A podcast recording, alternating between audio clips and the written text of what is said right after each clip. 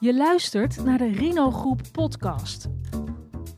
De podcast over psychologie en de mens achter de wetenschapper. Gepresenteerd door Jolie Jacobs en Jan Meijroos. Hey Jolie. Hey Jan. En ook welkom bij ons aan tafel. Klinisch psycholoog en hoofd van de vakgroep Psychologie bij het Pieter Baan Centrum, Thijs van de Kant. Dankjewel. Ja, vandaag gaan we in op die ene vraag die op ieders lippen brandt als we de krant openslaan en we weer lezen over het verdriet dat mensen elkaar aandoen. Waarom is de ene persoon in staat tot grensoverschrijdend gedrag en de ander niet? Maar ook, wat is er gebeurd als iemand zodanig agressief wordt dat hij een ander pijn berokkent of zelfs dood? Vragen die jou, denk ik, dagelijks bezighouden? Zeker, ja. ja daar, daar, daar zijn we in het Pieter Baan Centrum elke dag mee bezig, inderdaad. Ja, terugkomend dan op die eerste vraag dan hè, meteen. Waarom is de ene persoon in staat tot grensoverschrijdend gedrag en die ander niet? Ja, nou dat is gelijk een ingewikkelde vraag. Ik, ik denk eigenlijk dat we allemaal in staat zijn tot, uh, tot grensoverschrijdend gedrag. En daarmee bedoel ik niet te zeggen dat de mens van nature slecht is, maar dat we als de context zich maar daarvoor leent, zeg maar, dat we wel tot grensoverschrijdend gedrag kunnen komen. Ik denk dat we dat heel voorstelbaar kunnen maken. Um, veel mensen zeggen dat ook, hè als je aan mijn kind komt, nou dan ontketen je iets in mij en dan, uh, dan weet ik niet waar het stopt. Ja, dat geloof ik wel. Dat als de context zo is, als we, um, nou ja, zeker als psychopathologie nog een rol speelt, um, dat we allemaal wel tot grensoverschrijdend gedrag kunnen komen. Wat interessant is, is natuurlijk, waarom komen sommige mensen veel eerder tot grensoverschrijdend gedrag dan, mm -hmm. dan iemand anders? En, en wat is het antwoord daar dan op? Ja, dat is net zo veelzijdig, denk ik.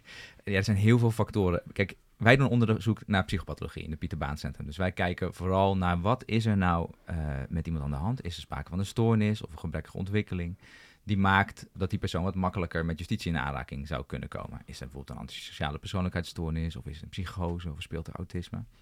Maar ook daarvan kijken we, ja, wat is de interactie geweest met de context? Hè? Dus tussen die psychopathologie en de context. En hoe uh, leidt dat uiteindelijk tot grensoverschrijdend gedrag? Nou, je kan je voorstellen dat dingen als impulsiviteit, problemen met de agressieregulatie, uh, realiteitsverstoringen, uh, dus een psychotisch beeld, uh, dat dat allemaal kan bijdragen aan uiteindelijk komen tot grensoverschrijdend gedrag. Maar dan suggereer je dat er eigenlijk altijd wel een soort stoornis aan de grondslag ligt. Nee, nee, nee, dat is, dat, dat is zeker niet zo. Nee, we kunnen, okay. dat, dat is soms wel de verwachting hè, die mensen hebben van iemand heeft zo'n bizar feit gepleegd of zo'n heftig feit ja. gepleegd, dan moet er wel psychopathologie zijn. Maar dat is dus niet zo. Nou ja, toch weer dat voorbeeld net. Hè. Uh, uh, kijk, um, um, nou, voor zover ik weet heb ik heel, niet heel veel last van een bepaalde vorm van psychopathologie. Maar ja, ik zou ook kunnen zeggen, ja, als iemand aan mijn kind komt en ik zie dat gebeuren, dan sta ik misschien ook niet helemaal voor mezelf in. Nee, dan kan het zwart voor je ogen worden. Kan het, precies, ja, ja. En dat betekent, dat is iets anders dan dat ik dan ontoerekeningsvatbaar word of dat ik geen controle meer heb op, mm -hmm. mijn, op mijn gedrag. Maar dat maakt me ontzettend boos dan. Dat is best wel invoelbaar natuurlijk. He, dus dat je dan dingen doet die je, nou, als je een stuk rustiger zou zijn of er wat langer over na zou denken, niet zou doen. Ja, dat betekent nog niet dat er sprake is van psychopathologie, maar wel dat je tot grensoverschrijdend gedrag kan komen. De manier van diagnosticeren, verschilt die in het forensisch werkveld anders dan in de reguliere GGZ? Ja, voor een deel wel, en voor een deel ook niet. Kijk, goede diagnostiek naar, naar de aanwezigheid van psychopathologie, dat komt in grote lijnen overeen met de reguliere GGZ. He, dus je gaat gesprekken met iemand aan, je vraagt informatie op bij eerdere behandelinstellingen. Je zorgt dat je uh, testmateriaal afneemt als dat er is. Je betrekt referenten bij je onderzoek. Dat is allemaal hetzelfde. Maar? Maar, precies. er zit een groot verschil in uh, de procespositie, zoals wij het noemen. Dus mensen worden onderzocht in een niet vrijwillig kader. Dat is wel anders dan als je zegt, ja, ik ben een beetje somber, ik zit niet zo lekker in mijn vel. Wat zou er aan de hand kunnen zijn? En iemand gaat zelf naar een psycholoog. Bij ons zijn mensen gedwongen door de rechter um, om zich te laten onderzoeken. Ja. En gedwongen klopt niet helemaal. Uh, mensen kunnen nog steeds weigeren. Maar het wordt ze wel opgelegd. Mensen worden wel gewoon geplaatst in het Pieterbaancentrum. Kunnen daar niet bezwaar tegen aantekenen. Van nou, ik heb er niet zo zin in en doe dat maar nee, niet. Het is een onderdeel van hun straf eigenlijk, feitelijk. Nee, ja, dat nog niet. Want nee? ze, zijn, ze zijn nog verdachten. Dus ah, ja, ja, ook, okay. Maar het is wel onderdeel van het strafproces. Ja, dat klopt. Dus ze hoeven niet mee te werken, maar ze gaan wel naar het Pieterbaancentrum toe. Dus wij moeten wel rekening houden met dat er mensen komen die uh, zich beter voor willen doen dan dat ze daadwerkelijk zijn. Of juist slechter. Hè, die, Slechter als in? Nou, ik was ontzettend in de war. Of ik heb dementie. En daardoor weet ik het niet meer. Dus je doet jezelf misschien wel zieker voor dan dat je bent. Ja, om, ja. eventuele schuld eh, te ontlopen of Ja. eh, vermindering. eh, ja, zo. precies. Ja. Ja. om, om zo, om zo tot, tot minder straf te komen. En daar moeten we natuurlijk wel op letten. En dat maakt de diagnostiek anders. We moeten naar die procespositie kijken. Dus we hebben net iets andere tests soms ook. Of we kijken er net iets anders naar. We betrekken er weer meer informatie bij. En wat een groot verschil is ook, is dat eh, je iets minder op de stoel van de hulpverlener gaat zitten. Dus je zit daar nog steeds wel als psycholoog natuurlijk. Je bent nog steeds empathisch en je luistert. En, maar je bent ook een stuk confronterender. Je kan ook zeggen van, ja, goh, ehm, ik luister nou allemaal wel naar jouw verhaal. Maar tegelijkertijd lees ik dit in het strafdossier. Of het slachtoffer Ja. zegt dit en dit en dit. Nou moet je me toch even uitleggen hoe dat nou in elkaar steekt. Want volgens mij klopt het niet helemaal wat je aan het zeggen bent. Ga je dan bijna op de stoel zitten van een recherchepsycholoog of niet? Nee, het is goed dat je dat zegt, want dat is een belangrijke nuance wel. Eh, We doen niet aan waarheidsvinding. Hè? Dus Mhm. we hoeven niet achter te komen of Ja. iemand het gedaan heeft of Hm. niet. Hè? Dus wij adviseren de rechter over de aanwezigheid van een stoornis ten tijde van het ten laste gelegde, zoals dat dan heet, indien bewezen. Dus wij kijken niet naar of het bewezen is, maar wij gaan ervan uit, stel dat het bewezen wordt verklaard, zien wij dan dat de psychopathologie die we vaststellen ook aanwezig was ten tijde van het ten laste gelegde. Ja. En wat, wat wel belangrijk daarbij is, is dat ehm, we het ten laste legde niet mee mogen nemen in onze diagnostiek. Dus een bekend voorbeeld daarvan is, of een goed voorbeeld daarvan is ehm, pedofilie bijvoorbeeld. Iemand komt voor het eerst in aanraking met justitie en wordt verdacht van een zedenfeit. Of laten we zeggen het eh, downloaden van kinderporno. Mhm. Ehm, maar hij ontkent het volledig. Eh, hij zegt, nou, het is op mijn computer gekomen toen ik films, illegale films en spelletjes aan het downloaden was. En dit is bijvangst geweest. En eh, ja, ik heb het wel gezien, maar ik heb er geen aandacht aan gegeven. Ik ben er echt totaal niet opgewonden van geworden. Nou, die opwinding is wel een belangrijk onderdeel van het vaststellen van de, eh, van de pedofilie. Ja. Dus op het moment dat hij dat ontkent en blijft ontkennen, dan kunnen wij eigenlijk die stoornis pedofilie niet formeel vaststellen, want het is nog niet bewezen verklaard. Mocht het nou bewezen worden verklaard, het is helemaal duidelijk dat hij dat heeft gedaan, dat hij wel opgewonden is geweest, dan zouden we wel die stoornis pedofilie vast kunnen stellen. Maar in het stadium waarin we iemand onderzoeken, waarin hij nog verdacht is, kan dat dus niet. Lijkt me best ingewikkeld. Ja, dat is het soms ook. Ja. En eh, we, hebben, we spreken eh, heel veel klinisch psychologen in deze podcast. Allemaal fascinerende gesprekken. We horen wel vaak zo dat ze de, de diagnostiek soms wel een beetje als een soort moedje zien. Ja. Hoe kijk jij daar tegenaan? Ja, dat vind ik altijd jammer. Dus ik probeer altijd de diagnostiek een beetje levend te krijgen. Nee, ook in de, in de eh, GGZ-instelling waar ik ook werk. Ja, ik vind dat diagnostiek een heel wezenlijk en belangrijk onderdeel is van ons, eh, van ons werk. Daar begint het mee. Je kan niet een behandeling zomaar gaan starten eh, op, op iemand. Zeker niet eh, bij complexe pathologie. Je wil eerst goed weten, wat is er met iemand aan de hand? En dat is diagnostiek. Dat is gewoon kijken naar wat gebeurt in het contact, wat eh, zegt iemand, maar wat bedoelt hij eigenlijk, wat is de problematiek die daaronder ligt. Alleen waar veel psychologen misschien aan denken als we het over diagnostiek hebben, is een WISE, een intelligentieonderzoek of een vragenlijst scoren. Of, Mhm. eh, ja, daar kan ik me voorstellen dat dat niet het meest spannende onderdeel is. Hè, dan ben je gewoon aan het overpennen uit een boekje als je dat op een hele basale manier doet. Maar op het moment dat je dat gaat doen als onderdeel van dat hele plaatje, en je gaat het zien als een puzzel die je gaat leggen, en ik wil iemand echt heel goed begrijpen, en daar dat testdiagnostiek onderdeel van, waarbij je verschillende testen ook naast elkaar kan leggen. Ja, dat vind ik ontzettend spannend en leuk om te doen. Nou, werk jij natuurlijk wel met een hele specifieke doelgroep. Wat maakt het zo interessant om juist met die groep te werken? Want ik kan me ook voorstellen dat niet iedereen eh, sympathie eh, voor eh, deze, Nee. deze mensen ja, kan opbrengen altijd. Ja. ja, dat is ook goed voor te stellen. Ehm, ik herken dat ook, hè. Op het moment dat ik de krant opensla en lees over een of ander gruwelijk misdrijf, Ja. dan, dan eh, denk ik ook niet gelijk, ah, die arme dader. Wat, Nee. eh, Nee. hè, dus dan, dan roept dat bij mij, net als bij iedereen, allerlei gevoelens op van eh, verschrikkelijk en hier moet goed onderzoek naar gedaan worden. En, Dan ben je nog nu genuanceerd hoor, denk ik. Denk Ja, dat ja, de meeste zeker, mensen zeker. wat primairder ja, reageren. ja, die- ja, nou ja, ik- ben op verjaardagsfeestjes wel een beetje gestopt met vertellen wat ik doe. Ja. Omdat ik het, zet ze maar tegen de muur aan. Ja, schiet ze door de knieën, allemaal van dat soort dat- dat- middeleeuwse Dat uitspraken. ken ik nu allemaal wel, ja. Ja. en, en, dan, en dan, ja, dan sta ik er wel anders in. Hè. Dan denk ik wel, eh, het is toch anders als je onderzoek doet naar iemand. Ik, ik zeg altijd, ik, heb, ik zeg ook wel tegen de mensen zelf, ik wil, in, als ik ga uitleggen wie ik ben en waarom ik kom, zeg ik wil heel graag begrijpen waarom jij nou in deze situatie terecht bent gekomen. En dat is iets anders dan dat ik er begrip voor heb, want dat heb ik niet. Maar ik wil wel heel graag begrijpen hoe je zover bent gekomen. Zeg je dat ook? Want begrip heb ik niet. Nou ja, dat zeg je niet zo stellig tegen een, tegen een cliënt. Als iemand het bekent, dan zou je dat kunnen zeggen. Hè? Ik Ja. ben het er niet mee eens met wat je gedaan hebt. Ja, ik dat keur is- het echt niet goed. Ja. Maar ik wil wel heel graag snappen hoe je zover bent gekomen. Ja. Want ik geloof niet dat jij vanochtend bent opgestaan met het idee...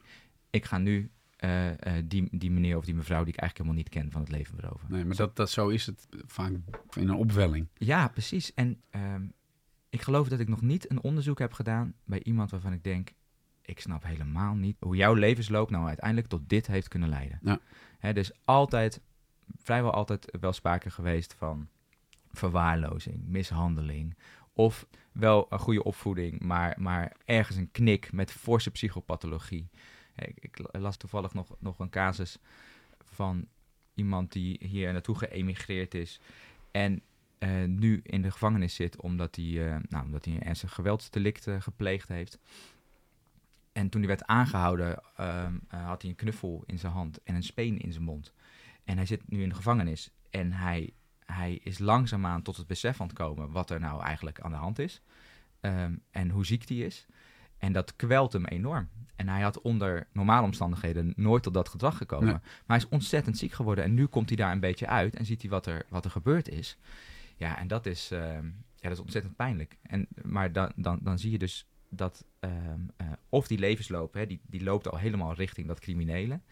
Of eh, ja, er zit zo'n knik in iemands gedrag dat die ziekte zo bepalend is geweest, dat dat uiteindelijk leidt tot dat criminele gedrag. Dus iemand die helemaal ehm, goed gefunctioneerd heeft en dan ineens tot ehm, eh, heel grensoverschrijdend gedrag komt, dat zie je eigenlijk niet zo heel vaak. Je zei, ze zei in het begin van ik, kan, ik ben nog steeds empathisch. Je, dus je, brengt, je, je voelt wel empathie voor je cliënten. Maar je- kun je ook wel sympathie voor ze voelen? Ja, zeker. Er zijn, er zijn, zeker in het Pieter Baan ehm, zes weken lang eh, dompel je je helemaal onder in één onderzoek. Je bent niet met twintig onderzoeken tegelijkertijd bezig. Je focus ligt op dat onderzoek. Eh, met een team. Dus in die zes weken leer je, als iemand goed meewerkt, eh, leer je iemand best wel, best wel kennen. Met alle grillen. Eh, maar soms zie je daar toch ook achter van, nou, dit is, dit eigenlijk in de kern wel gewoon een heel aardig persoon. Ik zou me zelfs kunnen voorstellen dat we het best gezellig zouden kunnen hebben, een avondje in de kroeg. Maar er zijn wel vreselijke dingen gebeurd. Ja, dus nee, het zijn, het zijn nog steeds mensen. Maar wat doet dat dan met jou? Je, je bent elke dag sta je in contact met mensen die hele heftige schade hebben aangericht. Ja, ja. Wat doet dat met jouw beeld? Nou, ik kan niet zeggen niks. Ehm, nee, je moet, je, je moet jezelf en je moet elkaar daar wel een beetje scherp op houden. Dat is voor mij een reden geweest om naast mijn werk in het Pieter Baan Centrum ook in de reguliere GGZ te gaan werken. Mhm. Omdat ehm, voor mij een persoonlijkheidsstoornis, er, of dysfunctioneel, laat het zo zeggen, er anders uitziet dan ehm, eh, een psycholoog die in een eh, praktijk werkt met allemaal hoogopgeleide mensen. Die zal eerder zeggen, nou hier is een persoonlijkheidsstoornis eh, aan de hand, voor mij de persoonlijkheidsstoornis. En ik zou denken, nou ja, eh, deze persoon heeft werk en die heeft vrienden en, Ja. eh, en nog een gezin en een paar hobby's. Vind ik geen dysfunctioneren, vind ik geen persoonlijkheidsstoornis. Dat is pas persoonlijkheidsstoornis. Hè, dus, eh, Maar dan ga je het bijna bagatelliseren wat die ander heeft. nou precies, en daarvoor is het voor mij goed om in beide instellingen ook te werken, omdat je Ja. toch een, een beetje beroepsgedeformeerd raakt. Hè? Dus je, je, je denkt, oh ja, geweldsmisdrijf. En nu chargeer ik wel hoor. Maar dat is wel iets waar we, waar we waakzaam op zijn en waar we op moeten letten. Een beetje de balans proberen Ja, te precies. vinden, zeg maar. ja, in het Pieter Baan Centrum krijgen we 220 onderzoeken per jaar. Eh, er zijn heel veel meer strafzaken en, eh, en eh, zo'n beetje 2500 eh, psychologische, psychiatrische onderzoeken per jaar in het kader van zo'n prostitutierapportage. En 220 daarvan komen maar in het PBC. Dus dat zijn wel de meest complexe of de meest zware of de meest mediagevoelige zaken. Ja. Dus als je alleen maar die casuïstiek ziet, ja, dan moet je ook wel zorgen dat je ehm, nou ja, ook weet dat, er, eh, eh, eh, nou, dat je het een beetje kan nuanceren inderdaad. Ja. Nee, je zei net ook van, ehm, ja, ik kan niet zeggen dat het me niks doet. Maar zijn er ook zaken die dan echt onder je huid kruipen, die, die je gewoon meeneemt, die bij je blijven? Ja, zo zijn er, al- ja, er zijn altijd een paar zaken die je, die je nooit meer vergeet. Ja, ja. en dat, ehm, dat kan zijn door, door de persoon. Ja, dus ik heb wel eens iemand onderzocht die ik echt gewoon doodeng vond. Ehm, ehm, is gewoon een eng gevoel al meteen. Van, of door dat Ja. je, wat je over hem of haar las. Nee, nee, eh, eh, beide. Eh, beide. Betrof een eh, terrorismezaak. En ehm, geen spijt, zo vol in de ideologie, eh, zoveel haat. Ja, dat, dat, dat, dat, daar schrok ik wel van. Zeg Ja. maar de omvang daarvan. En ook het idee, het zou niet heel veilig zijn als we gewoon in een andere ruimte zouden zijn dan hier in deze beveiligde Ja. kamer, zeg maar. Ja, dus dat zijn, dat zijn zaken die je aangrijpt. Soms is het, is het de inhoud hè, van, van een zaak die, eh, die, die dichtbij komt. toen ik zelf vader ging worden eh, voor het eerst, toen had ik net twee onderzoeken eh, lopen van iemand die zijn babytje doodgeschud had. En ook nog een, iemand die een zedendelict met een kind had gepleegd. Toen ik eenmaal mijn dochtertje in mijn hand had. Ja, en ik liep de trap af, was ik er wel mee bezig of ik er niet te veel van aan het schudden was. Ja. Hè, dus dat het, wat natuurlijk een absurde gedachte is, want dat is natuurlijk niet Maar je zo. loopt alleen de trap af. Ik bedoel, Precies, ja. precies. Maar je hoofd is zo geprimed daardoor. Wanneer is het schudden, wanneer is Ja. het niet? En ehm, ja, tot, tot welke leeftijd mag je de billen van je dochter afvegen? Of mag dat altijd als vader zijn? Ja. Hè? Dus dat zijn allemaal gedachten waar je misschien toch ineens iets anders over na gaat denken op het moment dat je vol in zo'n zaak zit. Maar wat doe je er dan op dat moment mee? Ja, praat je dan met, met andere mensen die dat ook door zo'n fase heen zijn gegaan, bij wijze van spreken? Eh, ja, nou is dat nog niet eens per se het vereiste, maar, maar gewoon erover hebben met je collega's, Mhm. maar ook met het thuisfront. Hè. Dan mag je natuurlijk niet over de casus hebben, maar wel over wat iets met je doet of, of Ja. iets binnen is Ja. gekomen. Ja, want ik kan me voorstellen dat je partner dan ook gewoon schrikt. Tuurlijk. Van, oh, mijn man is bang dat hij de baby iets aandoet. Ja, Ja, ik kan me dat heel goed voorstellen. Ja, nee, tuurlijk. Ja. Ja. En dan gaat het natuurlijk niet zo, zo ver dat je denkt, ik doe de baby wat aan. Maar, maar Nee. ehm, het is ergens zo'n klein stemmetje in je, in je hoofd, wa- waardoor je denkt van, oh, ik ben hier, mee, ik ben hier ineens mee bezig. Ja. Eh, Terwijl ik hier niet mee bezig moet. En daarna is het weer weg. Maar, maar het, doet, het doet inderdaad wel even wat. Dus inderdaad dat met je collega's bespreken. Of dat in, ehm, in intervisie eh, of in leertherapie. Of, Mhm. eh, nou, dat, dat is wel heel erg belangrijk. Wat, wat doet het met je? En hoe kan jij daarna ook weer verder met je werk? En verder met die persoon ook. Ik kan- me ook voorstellen dat het niet voor iedereen is, dit Nee. soort dingen. Dus je moet wel uit een bepaald eh, ja, hout gesneden zijn, zeg maar. Ja, dat denk ik wel. Nou ja, voor, voor mijzelf geldt, ik wist altijd toen ik psychologie ging studeren, ik wil forensisch eh, psycholoog worden. Ja. Dus mijn hele route die is, is daarop gericht geweest, op dat forensische werk. Maar er zijn ook mensen die dat, dat ook denken en dan vervolgens gaan doen. en Halverwege afhaken, Ja, ja. dit is Ja. toch niet iets voor mij. Dit is te heftig. Precies, maar ik heb ook collega's, hele goede, echt hele goede collega's, die heel bang waren. En dachten, oh nee, ik wil niks met boeven te maken hebben. Mhm. En nu zeer goede forensische onderzoekers zijn geworden. Die halverwege toch een stage in dat eh, eh, vak Ja, dus andersom kan het ook. helemaal verliefd zijn geworden op, Ja. dit, op dit vak. Ja. Maar wat, wat maakt het dan dat je daar verliefd op wordt? Wat maakt het dat jij hier geschikt voor bent? Ehm, Dat zijn eigenlijk twee vragen. ja, ja. Ja. Nou, ik denk dat je redelijk stevig in je schoenen moet staan. eh, maar dat je tegelijkertijd je vermogen tot empathie en je bereidheid om voorbij het delict te kunnen kijken heel groot moet zijn. Hè, dus iets anders dan sympathie, maar het, eigenlijk nieuwsgierigheid. Hè, het echt willen snappen. Nou ja, waarom gaat de ene nou de grens over en de ander niet? Ja. Krijg je zelf ook een soort psychologische test voordat je dit werk mag uitvoeren? Nee, nee, eigenlijk, nee niet, niet, niet echt. Maar die vindt wel gelijk in de praktijk plaats. Ja. Dit zijn mensen die eh, over het algemeen, hè, de populatie met wie je werkt, die forensische patiënten, dat zijn mensen die, eh, eh, wat ik net zei, affectieve verwaarlozing hebben gekend, vaak hechtingsproblematiek hebben, eh, mishandeld zijn, hyperalert zijn of super eh, streetwise zijn geworden door alles wat ze mee hebben gemaakt. Die leidt je niet om de tuin. Nee. Hè, dus als jij daar niet tegen kan, dan zullen ze dat voelen. En zak je door het ijs. merken en dan zak je door het ijs. Ja. Ja. Dus die Ja. test die vindt in de praktijk plaats. Ja. Maar vergt dat veel zelfonderzoek van, van jou? Want je kunt op een gegeven moment denk ik ook wel meegevoerd worden van... Oh nee, diegene is toch wel, toch wel heel sympathiek. Ja. Kijk, kijk eens hoe aardig dat hij eigenlijk de hele tijd is naar anderen toe. eh, Eigenlijk ook wel naar mij toe. Ja. Nou, Eh, ja. en dan? Ja, dat is leuk. Zal ik wat vertellen over hoe het, hoe het PBC-onderzoek eh, een beetje in elkaar steekt? Ja. Dan, dan- dat raakt daar denk ik aan. Ehm, Ja, iemand, iemand komt nieuw binnen bij jou en dan? Ja, precies. Die wordt dus verdacht van een strafbaar feit en die komt dan zes weken bij ons in het Pieterbaancentrum.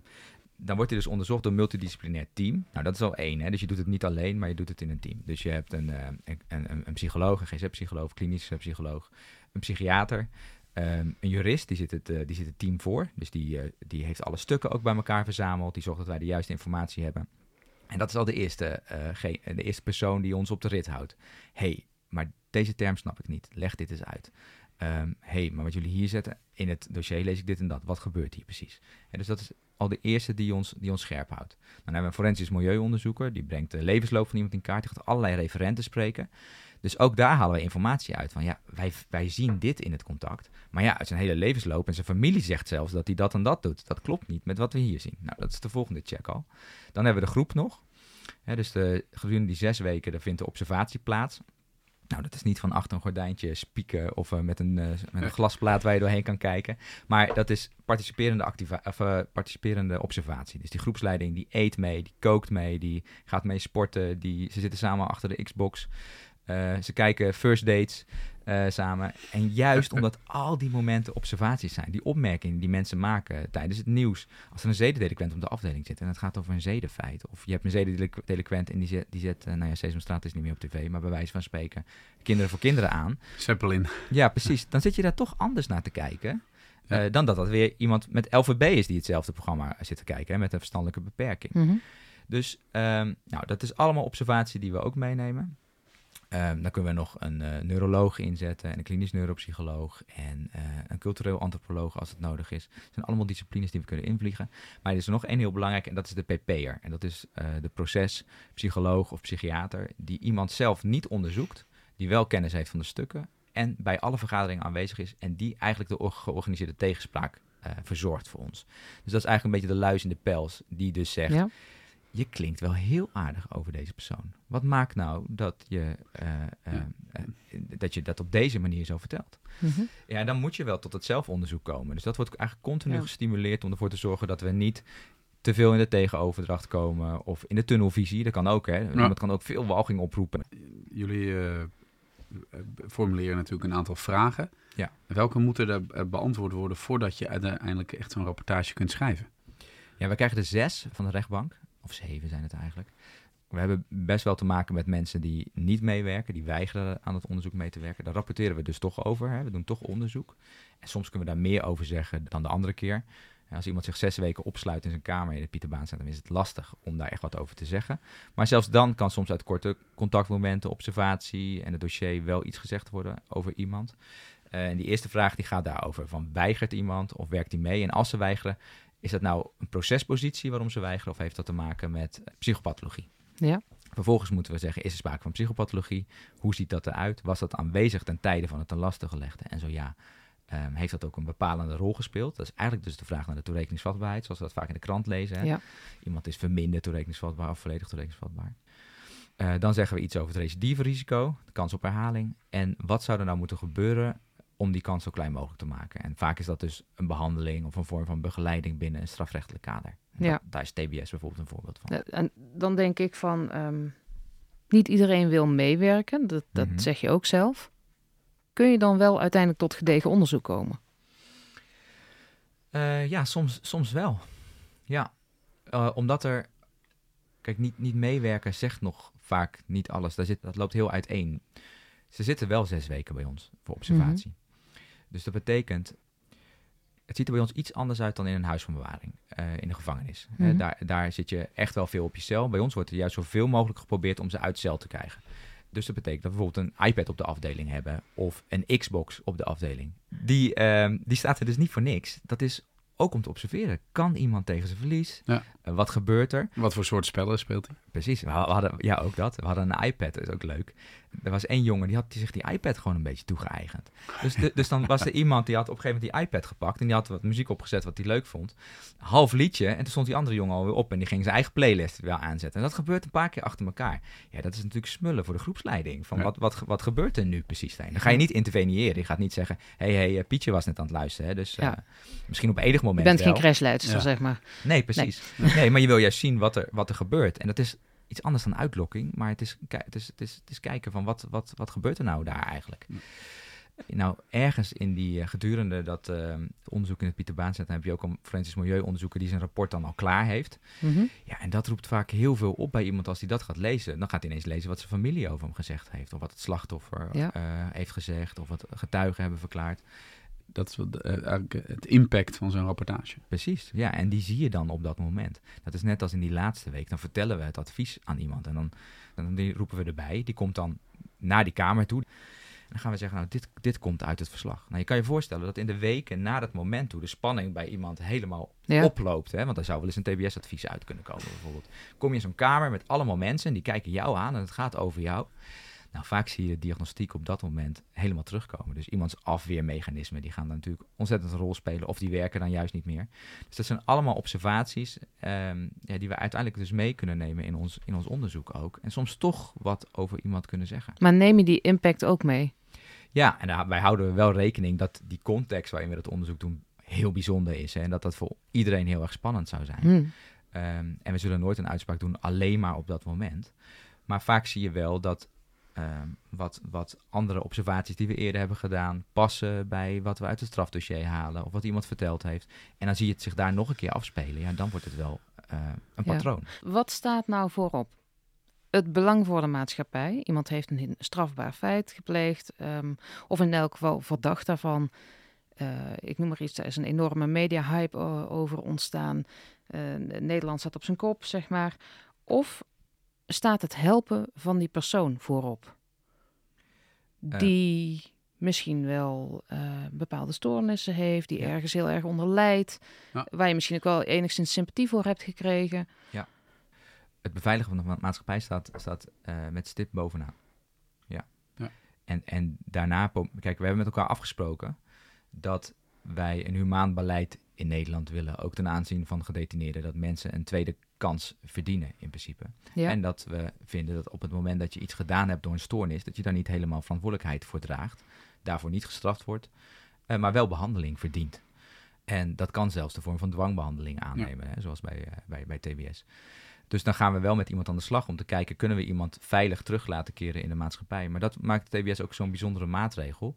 Dat kan dus maar verlengd worden elke keer als we denken dat het recidieve risico hoog is. Mhm. Ja, dus ja, dat kan soms wel schrijnend zijn dat iemand jarenlang eh, in de TBS zit, tientallen jaren, ehm, en langzaam daar ja, eh, ehm, eh, hospitaliseert. Ehm, ehm, eh, het contact verliest met zijn netwerk op een gegeven moment. Het kan he- heel, heel schrijnend zijn. Wilde je zeggen wegkwijnt? Ja, ja, Ja. ja. dat, dat, dat zou kunnen. Ja, en dat heb ik ook wel eens gezien.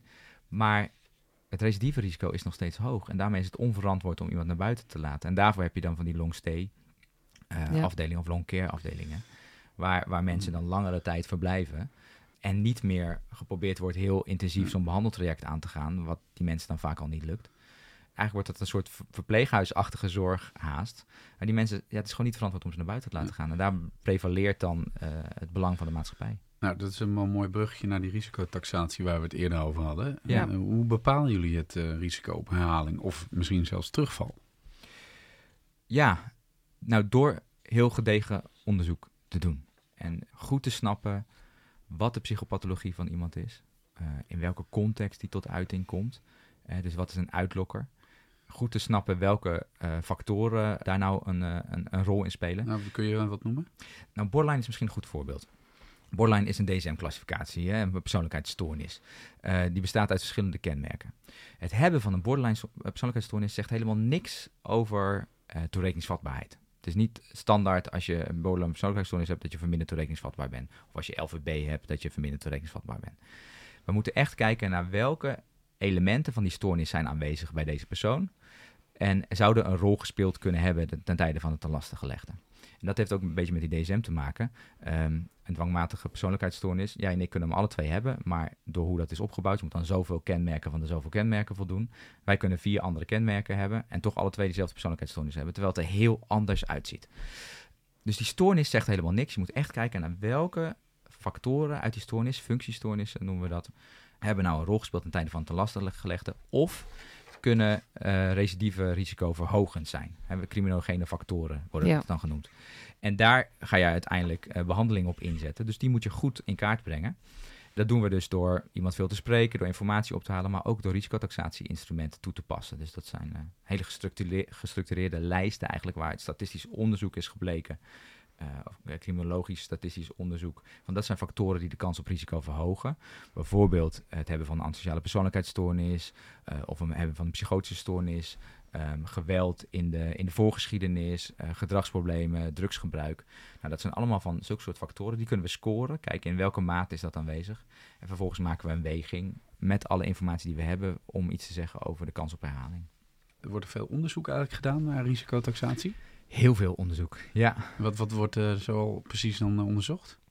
in, in hoeverre eh, verschillende factoren bij kunnen dragen, zeg maar, aan het scherper krijgen van de risicotaxatie. Ehm, hè, we hebben nu eh, zo'n vast, zo'n vast rijtje die eigenlijk in verschillende instrumenten terugkomt. Maar er zijn de laatste jaren best wat nieuwe instrumenten ontwikkeld, ook voor specifieke soorten delicten. Dus we hadden al voor geweldsdelicten al een hele tijd risicotaxatie-instrumenten. en voor zedendelicten ook. Uh, maar er is veel onderzoek gedaan naar de static, de stable en de acute, SSA, voor zedendelicten. Uh, om te kijken van welke specifieke factoren zijn er nu eigenlijk bij zedendelicten die een rol spelen, die we goed moeten inschatten. Voor stalking is een apart instrument gekomen. Voor huiselijk geweld. Nou ja, zo, zo wordt er voor jeugd. Uh, nou ja, dat zijn allemaal, allemaal instrumenten die ontwikkeld Steeds worden. specifieker. Ja, en waarbij ook wordt gekeken van wat is de invloed daar nou? Hè? Van, van wat is nou beter, ons klinische oordeel of dat gestructureerde oordeel, of een structured professional judgment, zoals uh, het ook wel genoemd wordt. En kun je daar al iets over zeggen of niet? Nou, ik vind, dat, ik vind dat lastig. En waarom? Omdat er zoveel onderzoek wordt gedaan wat elkaar ook nog eens redelijk uh, uh, tegenspreekt. Hè. Dus er, is een, er is een kamp dat zegt, je moet, je moet het lijstje gewoon invullen. En je scoort gewoon eentjes en tweetjes, die tel je op. En dat is de beste uitkomst. Zodra je daar als klinicus een weging aan gaat aanbrengen, wordt dat oordeel minder goed. Mm en er zijn mensen nou, die zeggen, ja, juist die weging is ook belangrijk. Hè. We weten dat we als klinici niet zo heel goed zijn in dat inschatten. We zijn geneigd het risico uh, groter in te schatten soms dan dat het daadwerkelijk is. Dus eigenlijk voorzichtiger te zijn. Maar, maar het zou wel wat, eens... Wat voor, wat voor de maatschappij als zodanig niet per se slecht is natuurlijk. Nee, want, nee. Want we, zien, want we zien best wel vaak voor, uh, uh, gevallen dat, dat iemand enorm hoog risico heeft en toch uh, op wat voor manier dan ook, uh, tenminste dat haalt het nieuws natuurlijk vaak, hè, dat soort gevallen. Nee, ja, zeker. Ja, ja, ja, ja precies. Dus, um, um, nou ja, goed, dus daar zijn allerlei onderzoeken, onderzoeken die lopen en het is soms lastig um, als klinicus, denk ik, om je daartoe te verhouden. Ja. Ik vind het belangrijk om die dingen naast elkaar te leggen ook, omdat je, een mooi voorbeeld is denk ik wel, met static stable en de acute heb je dat is dus dat risico-instrument voor zeden, daar is mhm. leeftijd bijvoorbeeld een belangrijke factor. Als je ouder wordt, dan neemt het recidive-risico af, scoor je minder punten op dat item. Uh, maar dan heb je soms ja, een keer een meneer van 80 gehad, nou, die dus nul punten zou scoren op dat leeftijdscriterium. Maar die wel blijvend zedendelicten bleef plegen. Ja, die had gewoon mensen die voor hem regelden dat de jongetjes bij hem thuis werden gebracht.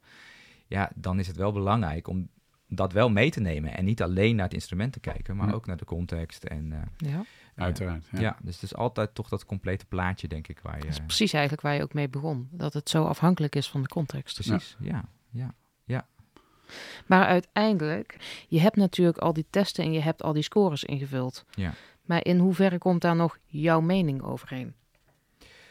Nou, ik denk over het instrument dat je daar voorzichtig moet zijn, uh, mee zijn om daar echt je mening nog over te geven. Maar je moet het, um, het instrument zeg maar, als onderdeel zien van je complete plaatje. Zeg maar. En daar ja. kan je wel de weging in aanbrengen. Dus ik denk dat je in het invullen van het instrument wel moet blijven bij hè, hoe dat ook moet volgens de handleiding. Hè, mm -hmm. Zoals dat bedacht is, dat instrument.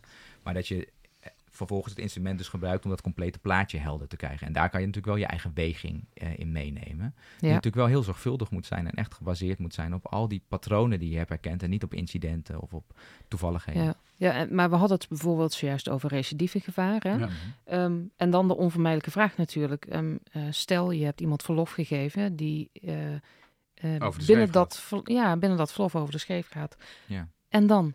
Wie is verantwoordelijk? Um, dat is. Uh, Uiteraard de dader, hoop ik. Maar, ja. Um, ja laat, um, laat, maar ik bedoel ja. meer, kijk, iedereen roept dan natuurlijk over elkaar heen. Zie je, diegene die had niet naar buiten mogen nee, gaan. Ja, die had precies. geen verlof mogen hoe, krijgen. Hoe heeft dit kunnen gebeuren? Ja. ja. Heel, hele, Hebben ze dit boos. dan niet gezien? Ja, ja. Nou, um, we hadden een tijdje geleden in Pieter Baan een club uh, journalisten over de vloer. Eigenlijk van alle grote, uh, alle grote media. Om maar eens te vertellen, wat doen we nou eigenlijk in het, uh, in het Pieter. Mm -hmm.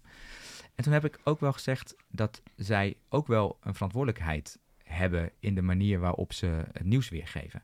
Um, als je met chocoladeletters kopt, weer een TBS'er ontsnapt. Of hè, we hadden het laatst natuurlijk, uh, ja. een cashier in de Albert Heijn. Ja. Vreselijk, kan je niks op af, de dingen. Hè. Daar, daar, moet onderzoek naar gebeuren, wat daar mis is gegaan. Het is absoluut vreselijk, had niet mogen gebeuren. Een heel groot incident.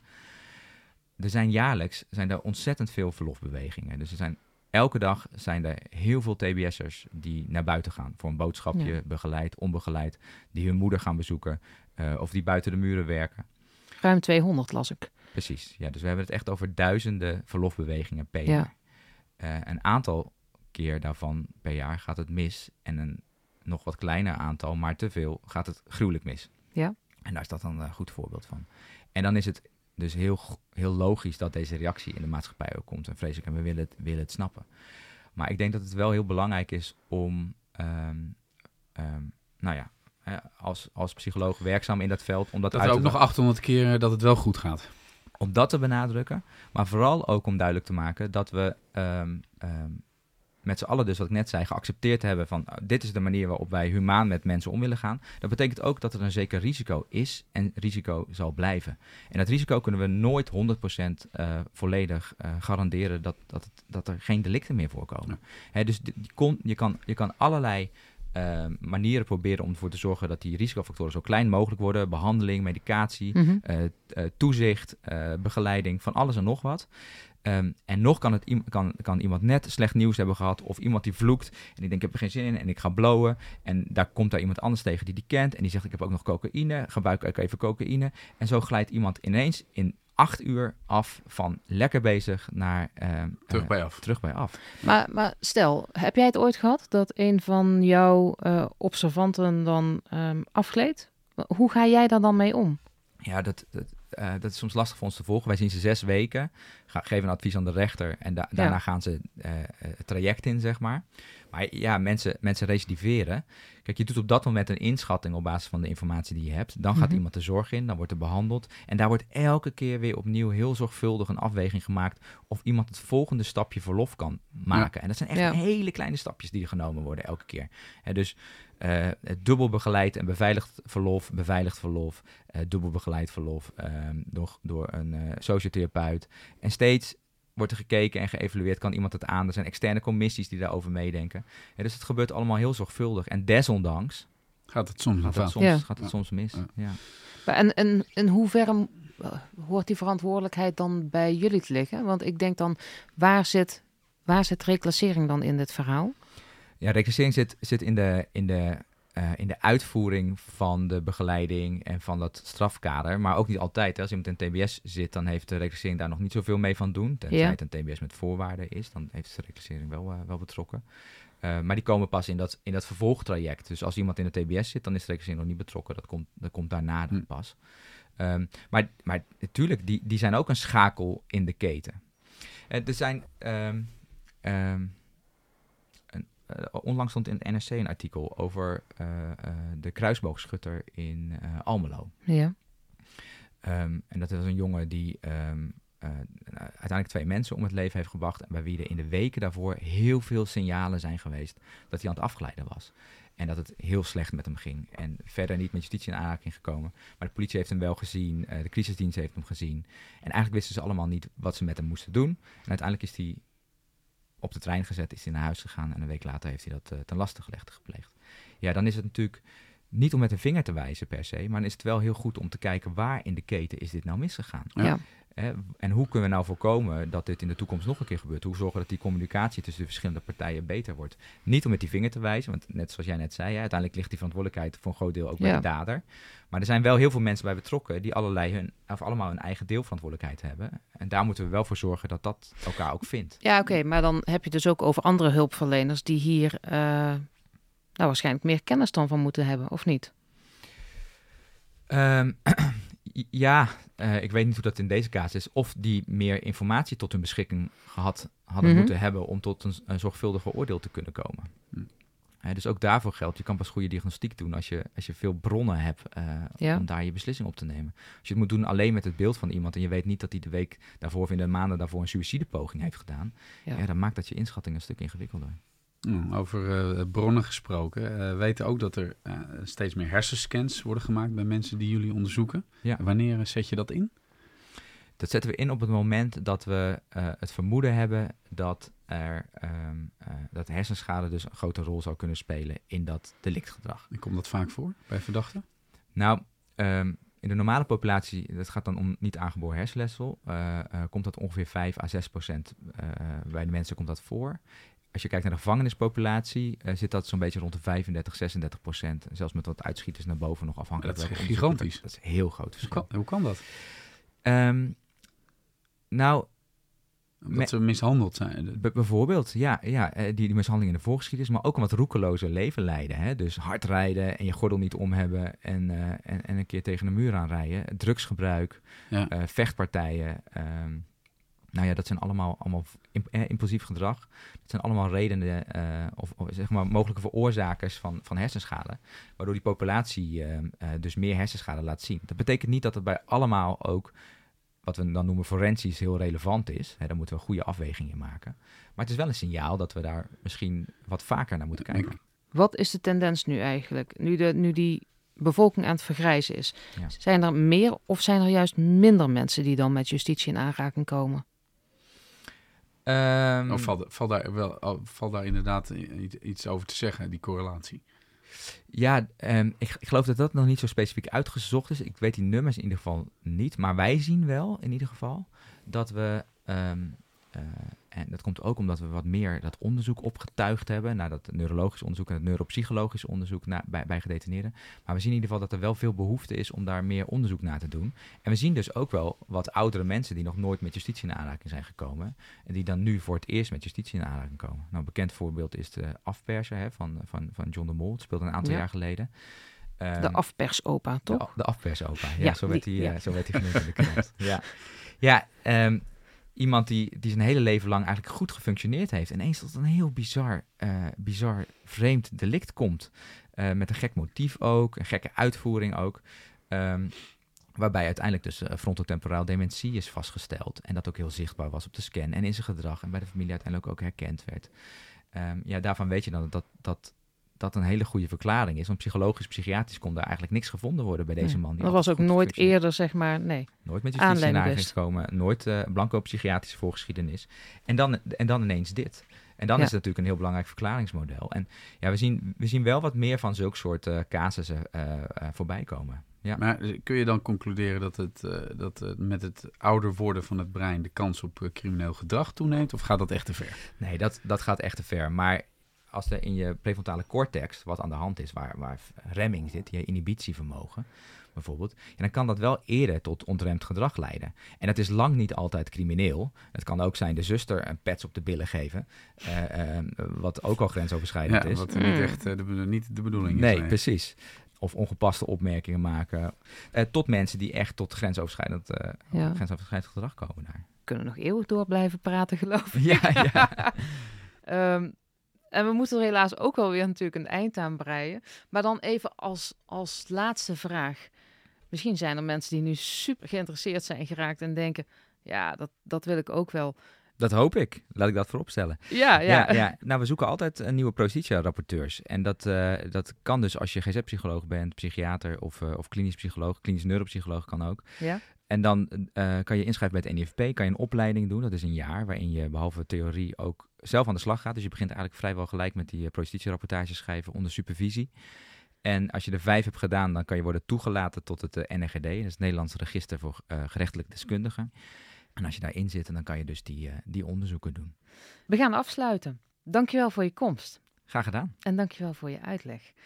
Ik denk dat dit vakgebied uh, vaak nog best onderbelicht uh, is gebleven. En um, ja, het is eigenlijk alleen maar heel erg mooi dat we nu met jou dit gesprek hebben kunnen voeren. Nou, heel graag gedaan. Dit was de Rinegroep podcast over forensische psychologie. De gast bij ons was klinisch psycholoog en hoofd van de vakgroep Psychologie aan het Pieter Baan Centrum, Thijs van de Kant. Wil je meer horen over psychologie en criminologie? Luister dan ook eens naar de aflevering met Martijn van Beek over recherchepsychologie. Deze aflevering kun je online terugvinden. Wil je alle afleveringen beluisteren? Ga dan naar onze website rinogroep.nl/slash podcast of abonneer je op de Rinogroep podcast via jouw favoriete streamingsdienst. Voor nu, bedankt voor het luisteren en tot de volgende aflevering. Leuk dat je luisterde naar de Rino Groep podcast. Wil je meer informatie over de Rino Groep? Bekijk onze website rinogroep.nl.